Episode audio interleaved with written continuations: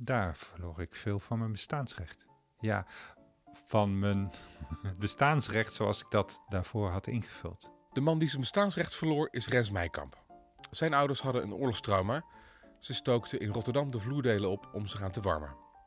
En hoewel Rens 22 jaar na de oorlog geboren werd, nam hij dat trauma van hen over. De wereld was, uit loyaliteit naar zijn ouders, ook voor hem een onveilige plek. Tot het moment dat zijn oude wereld als een kaartenhuis in elkaar stort en hij zijn verleden wel aan moet kijken.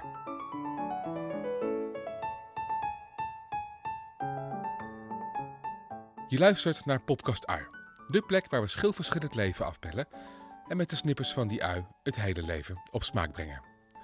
Mijn naam is Basti Baroncini en in elke aflevering praat ik met iemand die naar de hel ging, maar ook weer terugkwam met prachtige levenslessen. Aan hem of haar stel ik de vraag: welk licht vond jij in het donker? Rens Meijkamp, hartelijk welkom. Goedemiddag. Waar zijn de mannen in deze podcastreeks? Waar zijn de mannen? Ik geloof dat 80% van de luisteraar is vrouw en ongeveer hetzelfde uh, uh, de geïnterviewden. Hebben mannen minder trauma of wat? Of praten ze er minder over? Nou, je valt wel met de deur in huis, wat mij betreft. Want dat is precies het gevoel wat ik ook vaak heb. Als ik het heb over, uh, nou, datgene wat me boeit en raakt. Ja. Namelijk? Waar zijn de mannen? Ja? Ja. En waar zijn de mannen? Ja, ze zijn er wel. Zeker, ze zijn er.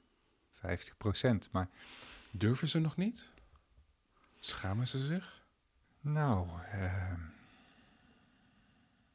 ik denk dat ze uh, zich verbergen. Ja. Ik denk dat ze zich verbergen voor zichzelf en ook voor de wereld. Ja. Dat, uh, dat vrouwen makkelijker met, met pijn, groeipijn naar buiten komen dan met mannen. Mannen blijven liever in een donker holletje zitten. Zijn vrouwen moediger? Of lopen mannen er gewoon nog even 50 jaar achteraan? nou, ik weet niet of het 50 jaar is, maar ik denk wel dat mannen daar achteraan lopen. Ja, dat vrouwen voorop gaan in ja, de maatschappelijke, culturele ontwikkeling van uh, ja, opening up, zou je kunnen zeggen. Opening up um, voor wie je werkelijk bent. We gaan het hebben over jouw verhaal van Opening Up. Maar uh, voor Opening Up uh, gebeurt er ook zoiets volgens mij als uh, Collapsing Down. Ja. op welk moment, en kun je misschien kun je een moment omschrijven, stortte jouw kaartenhuis in elkaar?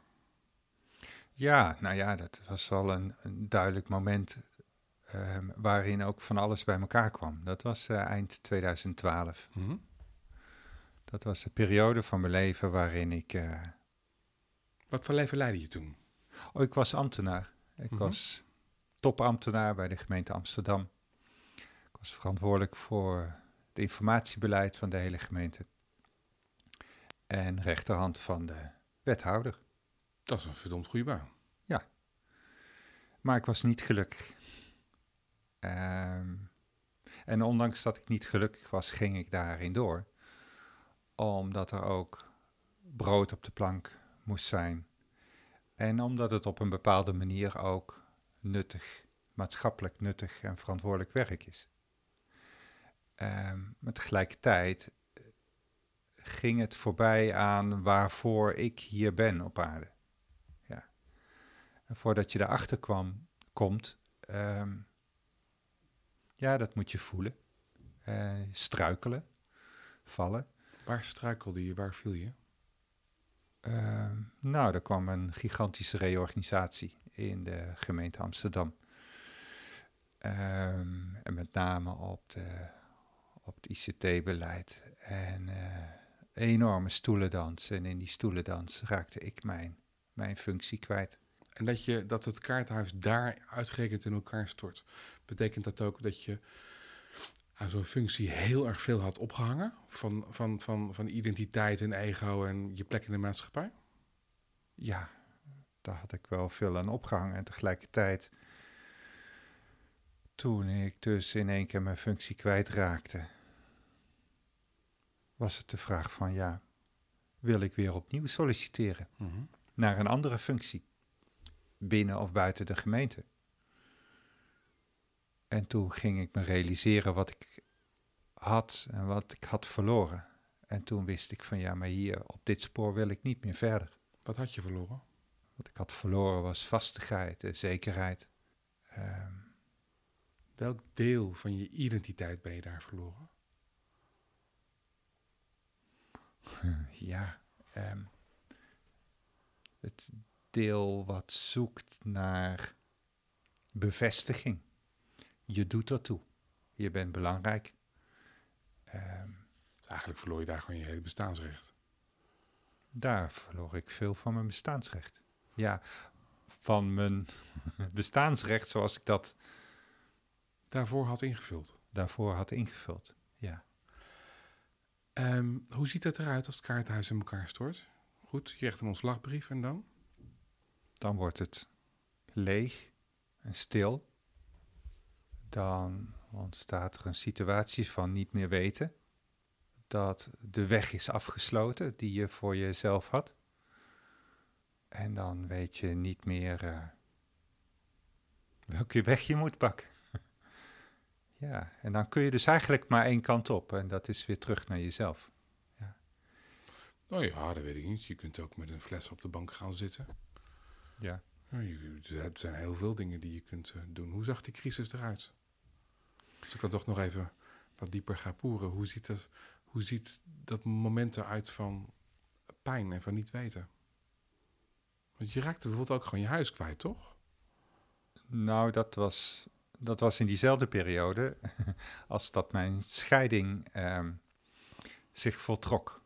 Ik raakte niet alleen mijn baan, mijn vaste plek op mijn werk kwijt, maar ook mijn eh, huwelijk stortte in. Ehm, en doordat mijn huwelijk instortte, ehm, moest ik ook uit huis. Raakte ik mijn huis kwijt. Waar ging je toen heen? Oh, toen heb ik een half jaar in de bossen gewoond. In een huisje, een klein huisje in Lage Vuurse. Wat op zichzelf een prachtige plek was. Maar toch ook ontworteld. Ja. Ja. Dus je gaat eigenlijk in een paar maanden tijd van, top, van een topambtenaar, Ja. rechterhand van de wethouder, naar ja, met je regelaarzen door de modder. Ja, ik weet nog goed dat ik eh, een, klus, een klusje had. ehm, en dat ik als eh, consultant eh, tijdelijk werkte. En dat ik inderdaad in mijn pak op mijn vouwfiets door de modder van de bossen fietste. Eh, naar Amsterdam voor een klus. En dat ik daar, eh, voordat ik daar naar binnen kwam, eh, de modder van mijn schoenen poetste om een beetje fatsoenlijk naar binnen te kunnen komen. Waar ging deze crisis over? Op een dieper niveau was voor mij de vraag van wat kom ik hier doen op aarde? Waarvoor ben ik hier? Wie ben ik? Dus als ik je zou vragen, waarvoor liep je weg? Dan zal je antwoord zijn, vooral voor mezelf. Denk ik. Ja, ja, maar ik wist niet dat ik voor mezelf wegliep. Ik dacht, ik dacht dat ik een plek had Mhm. in de wereld en een identiteit had. Mhm. Maar dat was veel meer een identiteit van, ja, weg van mezelf. Niet naar mijn e- werkelijke eigen verlangens luisteren, maar vanuit plichtsbesef de dingen doen die er gedaan moeten worden. Vanuit, zo hoort dat. Zo hoort dat, ja. Dus deze crisis ging eigenlijk over, nou ja, het klinkt alsof je de eerste jaren van je leven eh, gewoon behoorlijk verdwaald bent. Eh, wel met een goede loonstrook op zak verdwaald bent. Ja. Maar hè, dat je gewoon je eigen pad eh, niet gelopen hebt. Ja. En er in die crisis achter kwam, ik moet mijn eigen pad gaan lopen. Ja. Ja. Ja. Waar ben je van je pad afgeraakt? Ik denk dat dat wel heel vroeg was. de, de vraag die nu bij me opkomt, was ik ooit wel op mijn pad? Mhm. Heb ik mezelf al niet veel eerder verlaten dan... Nou, wanneer heb je jezelf verlaten? Als kleuter, als buiter, in de baarmoeder? Ik denk al heel vroeg als, als baby. Ja, waarin ik... En hoe komt dat? Wat is daarvan de bron geweest van dat verlaten van jezelf? Ja. ja, dan merk je al dat ik stil word. Dus dat ik terugga naar die tijd. dan slaat mijn stem ook over en dan ehm, voel ik de eenzaamheid. Dan voel ik de eenzaamheid, de verlatenheid en het gebrek aan contact met mijn moeder. En dat wist ik toen niet. Dat heb ik heel lang niet geweten. Jouw moeder was nog in de oorlog. Ja, mijn moeder is uit 38. Ja. En ze heeft de oorlog bewust meegemaakt. Op wat voor manier? Oh, ze was een klein meisje. Ze was zeven toen de oorlog uh, was afgelopen. En had uh, de hongerwinter meegemaakt in Den Haag.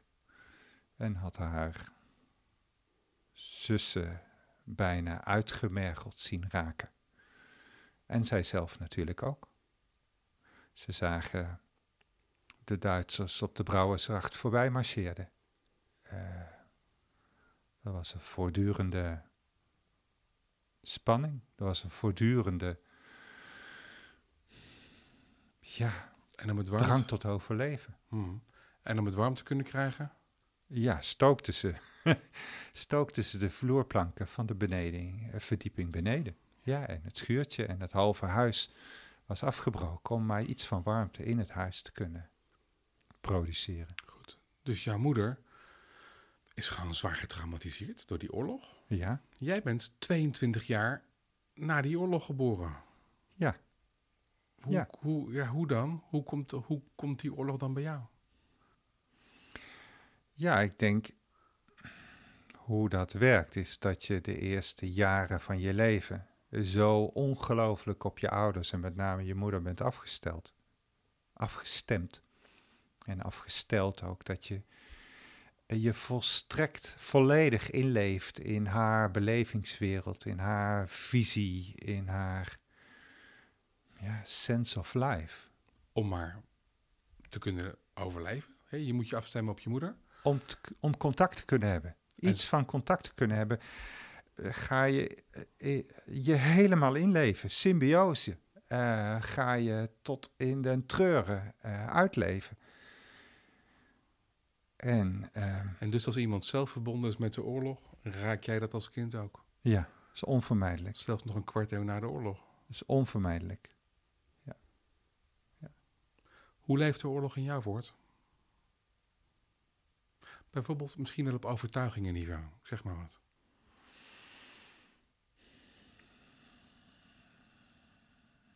Je vraagt nu naar een vis over het water. Dus nu moet ik gaan vertellen over hoe de oorlog in mij leeft doorleeft. Ja. En volgens mij ben ik daar pas langzamerhand een beetje achter gekomen hoezeer ik het leven zelf als een onveilige plek heb beschouwd. Dat het leven vraagt om overleven, om strijd. Dat dat erbij hoort, dat, dat het leven is zoals het lijkt te zijn. Het leven is strijd. Het leven is strijd, het leven is oorlog. Dat is me met de paplepel ingegoten. Ja, en hoe ziet dat eruit? Maak je een hoop ruzie met eh, mensen? Of voel je een innerlijke oorlog? Tja, Je lijkt me geen ruziemaker, Rens. Sorry. nou, ik kan, ik kan zeker ook strijden. Maar het gaat over, denk ik, van kun je kun je, je toevertrouwen? Of heb ik, het, heb ik het idee dat ik me kan toevertrouwen aan het leven, dat ik me kan toevertrouwen aan iemand anders? Of zal ik voor mezelf moeten vechten en strijden? En ik denk dat ik heel lang heb geleefd in zo'n modus van, uh, nou, je zal toch echt uh, moeten knokken voor het bestaan. Ja. Wat was vroeger nastrevenswaardig thuis? Waar kreeg je schouderklopjes voor? Ja, als ik het goed deed op school. Als ik goede cijfers haalde. Als ik goed presteerde. Als ik mijn diploma haalde. Uiterlijk. Ja, uiterlijk. We waren niet zo materialistisch. Ook uit een. Dat was ook de zuinigheid. Nee, maar goed. Maar, maar uh, zeg maar hard, hard werken, dan ben je veilig. Hard werken, goed je best doen, heel erg aangepast zijn, het systeem dienen, doen wat er van je gevraagd wordt. De betrouwbare, de betrouwbare medewerker, de betrouwbare ambtenaar zijn. Dat, dat zijn modellen waardoor ik uh, ben gegroeid. Ja. Je ouders hadden een oorlogstrauma en jij neemt dat uh, over uit loyaliteit. Was dat een beweging uh, uit liefde of uit angst? Ja, dat was, dat was geen liefdesbeweging. Dat was een overlevingsbeweging. Dat was hard, hard werken, hard je best doen. Om te voorkomen ja, dat je in de goot zou, terecht zou komen. Je probeert dus iedereen, voor iedereen er te zijn, nuttig te zijn, hard te werken. Waar ben jij dan? Ja, precies. Waar, Ja. Is, waar is Rens dan? Waar was die? Eh, eh, ver weg. Waar? Ver weg. Eh, ja, Waar was die? ik droeg hem nog steeds in me mee. Het raakt me ook. Was die in zijn gedachten? Was die... eh, Oh, die was tot stilte gemaand.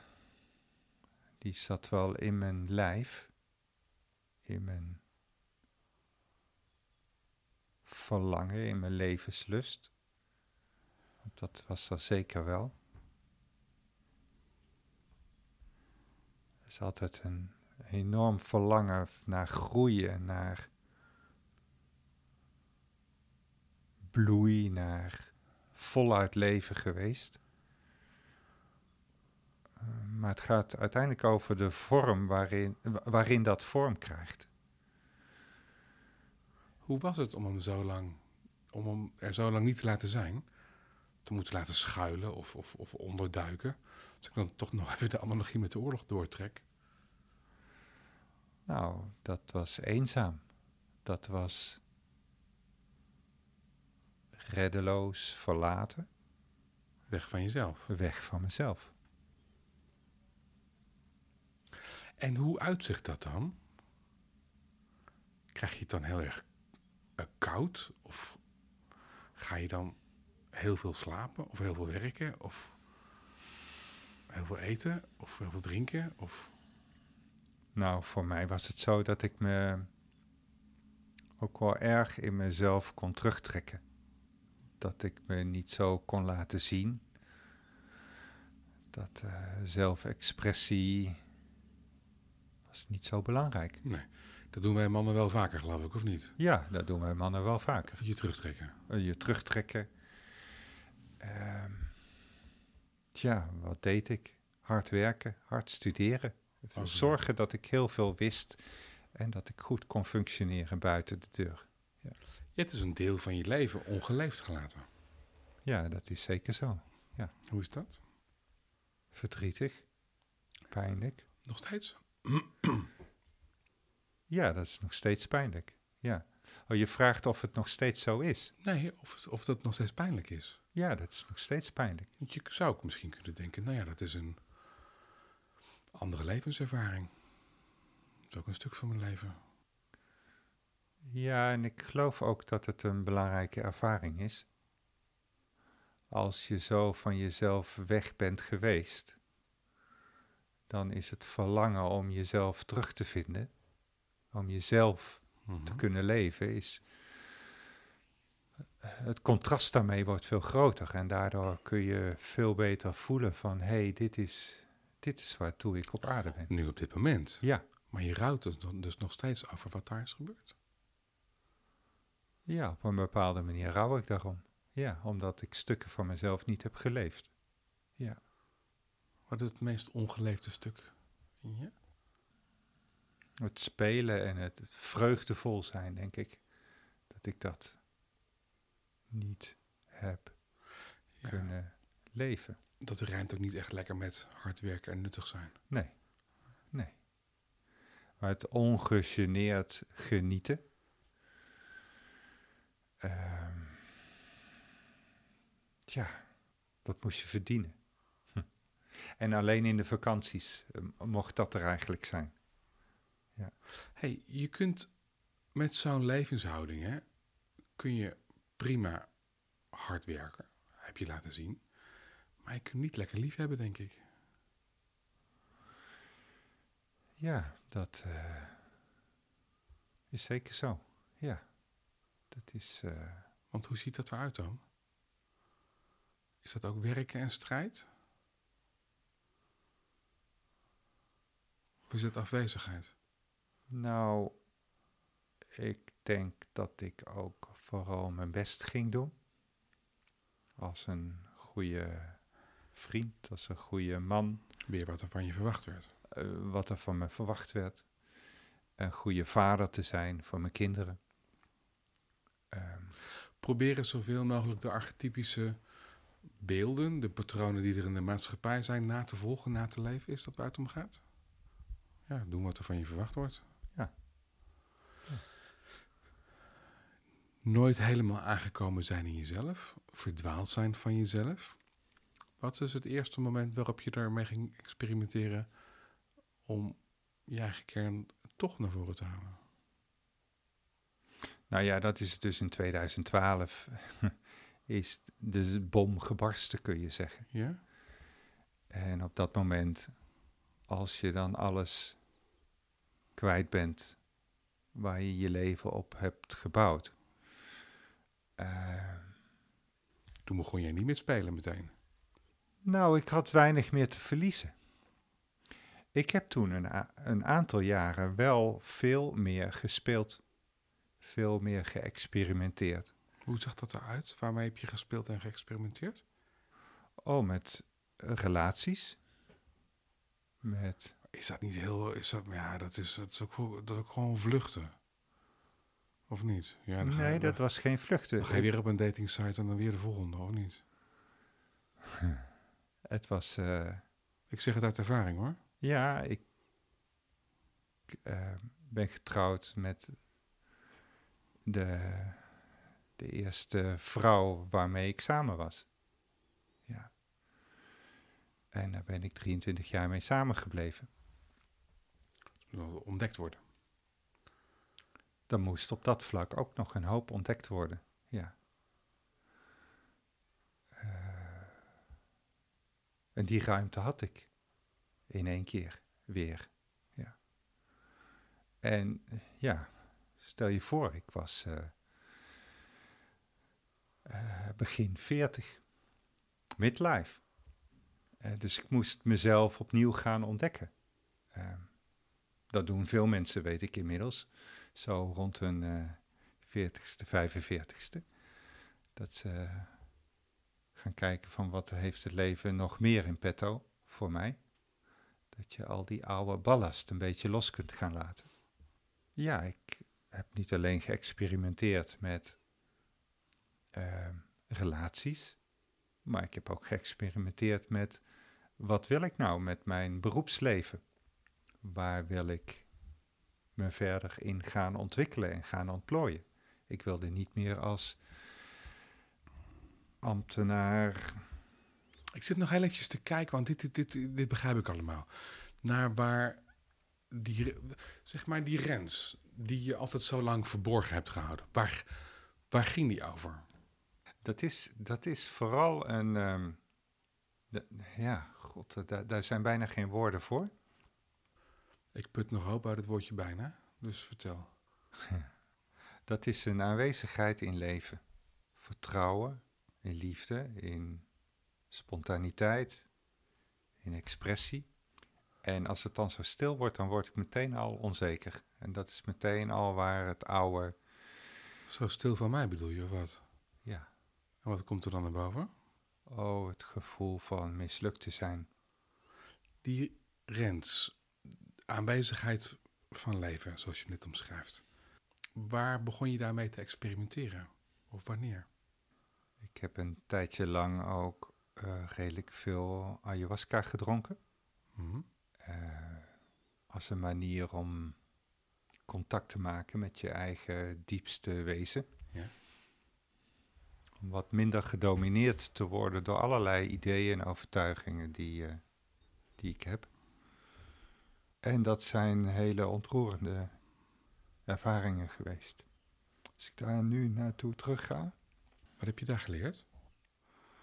Oh, dat het leven een soort van zelfsprekendheid is. Een, een intrinsiek levensrecht in zich draagt. Dat je het niet hoeft te bedenken. Dat het door je heen stroomt. Ehm, Is het moeilijk om van jezelf te houden? ja, Wat maakt dat ingewikkeld? dat ik dat nooit geleerd heb. Als het dan weer gaat over eh, mijn diepste wortels hier op aarde, dan is dat in de relatie tot mijn moeder. En dan eh, voel ik dat ik nog steeds op zoek ben naar haar liefde, omdat ik die toen zo gemist heb. Nog steeds? Ja, nog steeds. Ja. En dat, Kan er een moment komen waarop je het kan afsluiten? Ja, dat zou ik heel graag willen. Ja, dat zou ik heel graag willen. Omdat het me op een bepaalde manier ook gijzelt. Gijzelt in oude patronen, in oude overtuigingen, in oude ja, energetische patronen ook. Ja. Van buiten, bij een ander, de bevestiging zoeken. In plaats van intrinsiek van mezelf te houden. En precies zoals ik ben. Ben jij, ben je breekbaar of ben je gebroken? Ik ben breekbaar. Ja. Ik ben kwetsbaar. Het, woord kwetsbaar spreekt me erg aan. Ik geloof dat het leven heel kwetsbaar is. En dat juist in die kwetsbaarheid de, kracht ligt van worden wie je bent. Van kwetsbaarheid veronderstelt dat je je harnas afgooit, je overleving terzijde schuift en contact maakt met die kwetsbaarheid waardoor het leven zelf heen kan spreken. Hoeveel van je eigen trauma heb je doorgegeven aan je eigen kinderen? Onvermijdelijk en waarschijnlijk ook veel. Als je naar ze kijkt, wat zie je dan? Wat raakt er? Het is eh, te groot voor woorden wat ik dan zie. Het gaat ons menselijk, mijn menselijk bevattingsvermogen in ieder geval te boven. Gaat het slecht met ze? Nee, nee, het gaat hartstikke goed met ze. En ze hebben allemaal hun eigen pad, hun eigen unieke pad. En zij worden allemaal op hun eigen manier ook uitgenodigd antwoorden te geven op de vragen waarmee zij ja, in het leven zijn gegooid. Die, die ze van hun moeder en van mij hebben meegekregen. Volgens mij zit daar een onvermijdelijkheid in die je vooral ook bij hen moet laten. Waar je respectvol naar kunt kijken en mee kunt omgaan. Over hoe zij hun eigen antwoorden vinden op hun leven. En hoe ze ook verantwoordelijkheid kunnen gaan nemen voor datgene wat ze van mij en van hun moeder hebben meegekregen. Maar doet je nog altijd pijn? Ehm, nee, de, de ontroering is geen pijn. Het is geen pijn, het is dat ik dan zo in contact kom met de essentie van leven. Over hoe, de, hoe het leven wordt doorgegeven. Juist ook. Juist ook met de trauma's die je van je ouders meekrijgt, aan moet nemen. De vraag is vooral waar geef je, hoe geef jij antwoord daarop? Hoe heb jij daar antwoord op gegeven? En dan kijk, komen we eigenlijk ook op de vraag wat het je heeft opgeleverd hè, en hoe het je gevormd heeft. Dus we hebben de crisis gehad, Hmm. het, eh, een periode van eh, ontdekken. Van jezelf leren kennen. Ja. Hoe heb je daar antwoord op gegeven? Ik kan steeds meer heel goed alleen zijn. Ik kan steeds meer vertrouwen op eh, mijn eigen innerlijk leven. Daar contact mee maken. Hè, dus het leven wordt steeds minder eh, gedomineerd, zou ik haast zeggen, door het wereldse. En ik kan steeds meer bij mezelf zijn. Dat ik zo met mezelf in gesprek kan zijn. Eh, ja, dat ik mezelf kan ontmoeten in wat er in mijn rugzak zit, wat er zo naar boven komt. Dat ik zoals ik nu geraakt ben, dat ik daarmee kan zijn. Dat, er zijn zeker ook momenten waarop ik me schaam daarvoor. Eh, en dat verborgen wil houden. Voor mezelf of voor de wereld. Maar tegelijkertijd, dit is wie ik ben. Heb je daar vrede mee inmiddels? Ik vind mezelf steeds mooier en waardevoller. ehm, en interessanter. En dat ik, dat ik gefascineerd ben door hoe mijn leven zich ontvouwt. Zoals je naar een bloem kunt kijken die zich opent in de lente, dat je echt ook die blaadjes open ziet gaan, zo kan ik ook naar mezelf kijken van jeetje, wat, hoe, hoe ben ik geworden tot wie ik ben? Die, die, die fascinatie daarvoor, voor hoe het leven zich ontvouwt, ja, dat is wel wat me, wat me boeit en wat me raakt. En die eigenheid die dan naar voren komt, die gaat dan dus over aanwezigheid, zoals je zegt. Ja, ja. Bij, bij jezelf en De alles wat er ja. in je leeft. Ja, de presence. Eh, in die zin is het leven nooit saai. Er gebeurt nooit niks. En helemaal niet wat je dacht dat zou gaan gebeuren. En al helemaal niet wat je dacht. Ja. Ja. En dus om die nieuwsgierigheid te hebben naar hoe het zich ontvouwt. De bloem die komt uit zijn knop en ontvouwt zich helemaal. Ja. Daar kijk je naar bij jezelf. Eh, daar raak je verwonderd over, ontroerd. Hè? Dat is Mhm. de daar ge- daar gebeurt veel, daar ben je aanwezig Ja. bij. Wat gaat dan nog tot ontwikkeling komen? Geen flauw idee. Nee? Geen flauw idee. Nee.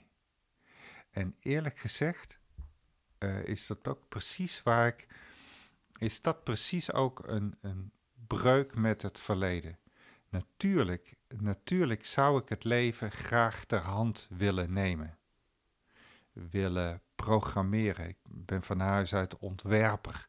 Dus dat je het leven op een bepaalde manier kunt ontwerpen van daar wil ik naartoe. Mijn ervaring is dat hoe meer je dat doet, hoe meer je ook eh, teruggeworpen wordt in het hier en nu. Om vooral antwoord te vinden op wat is er nu? Het leven beweegt zich stap bij stap en je kan alleen maar één stap vooruit leven en denken. Ja. Er is heel veel gebeurd in je leven. Veel ontwikkeling heb je ook doorgemaakt. Uh, het doormaken van ontwikkeling betekent ook het af kunnen laten leggen van patronen. Uh, van, van, van allerlei overlevingsmechanismes. Tegelijkertijd zijn, er, zijn die ook heel hardnekkig.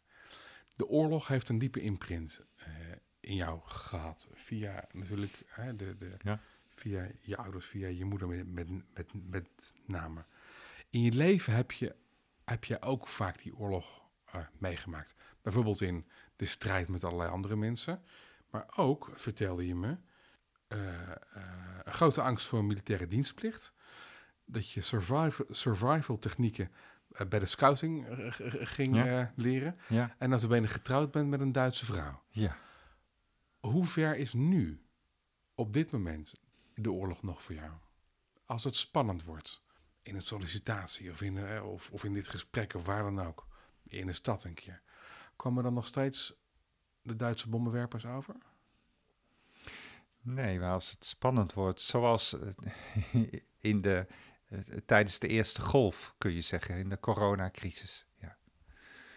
Ehm, dan ben ik innerlijk op een bepaalde manier voorbereid op dat er chaos en onzekerheid gaat ontstaan. Nou, die is ook gekomen.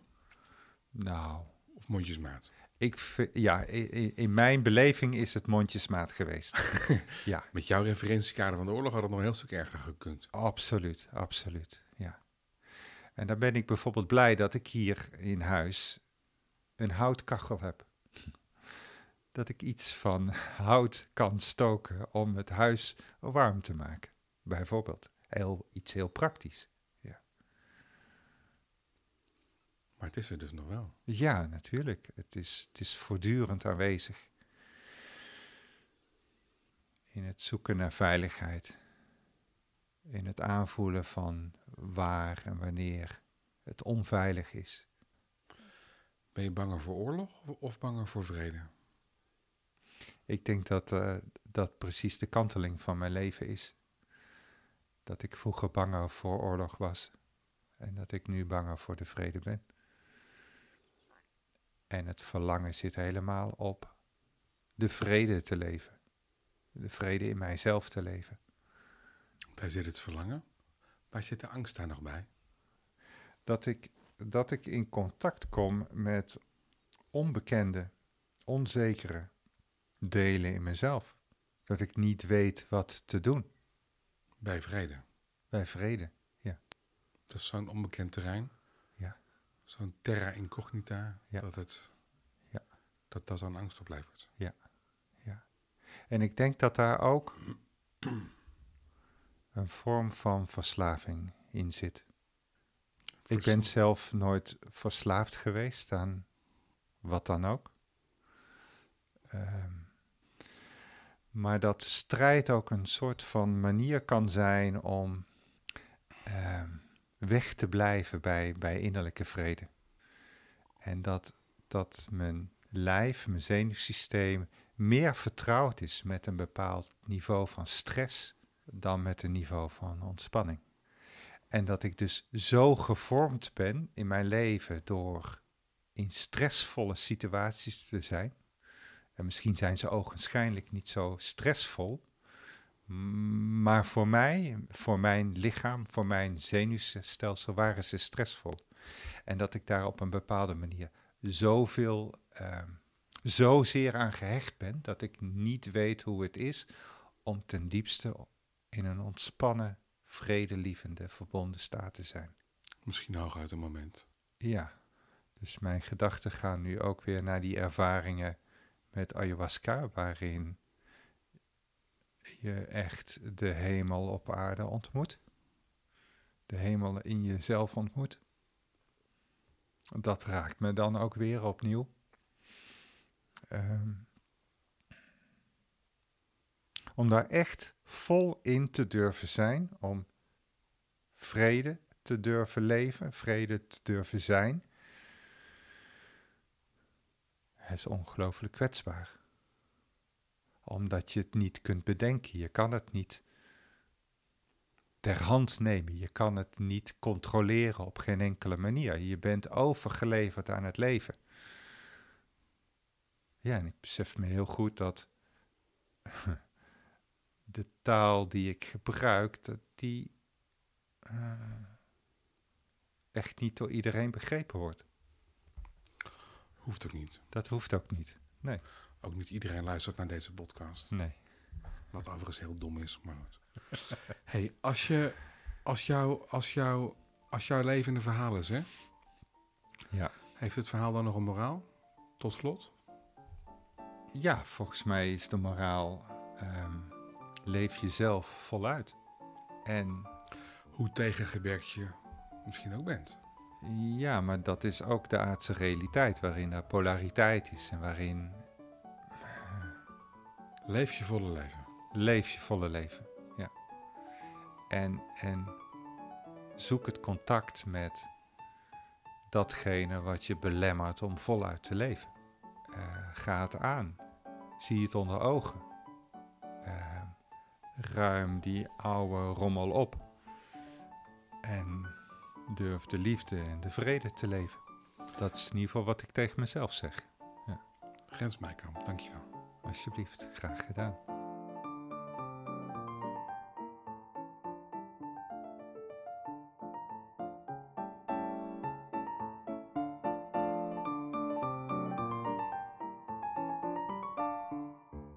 Dankjewel, fijn dat je luisterde naar deze aflevering met Rens Meijkamp.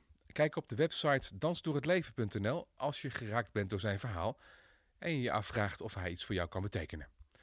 In de aflevering van volgende week hoor je Herman van Praag.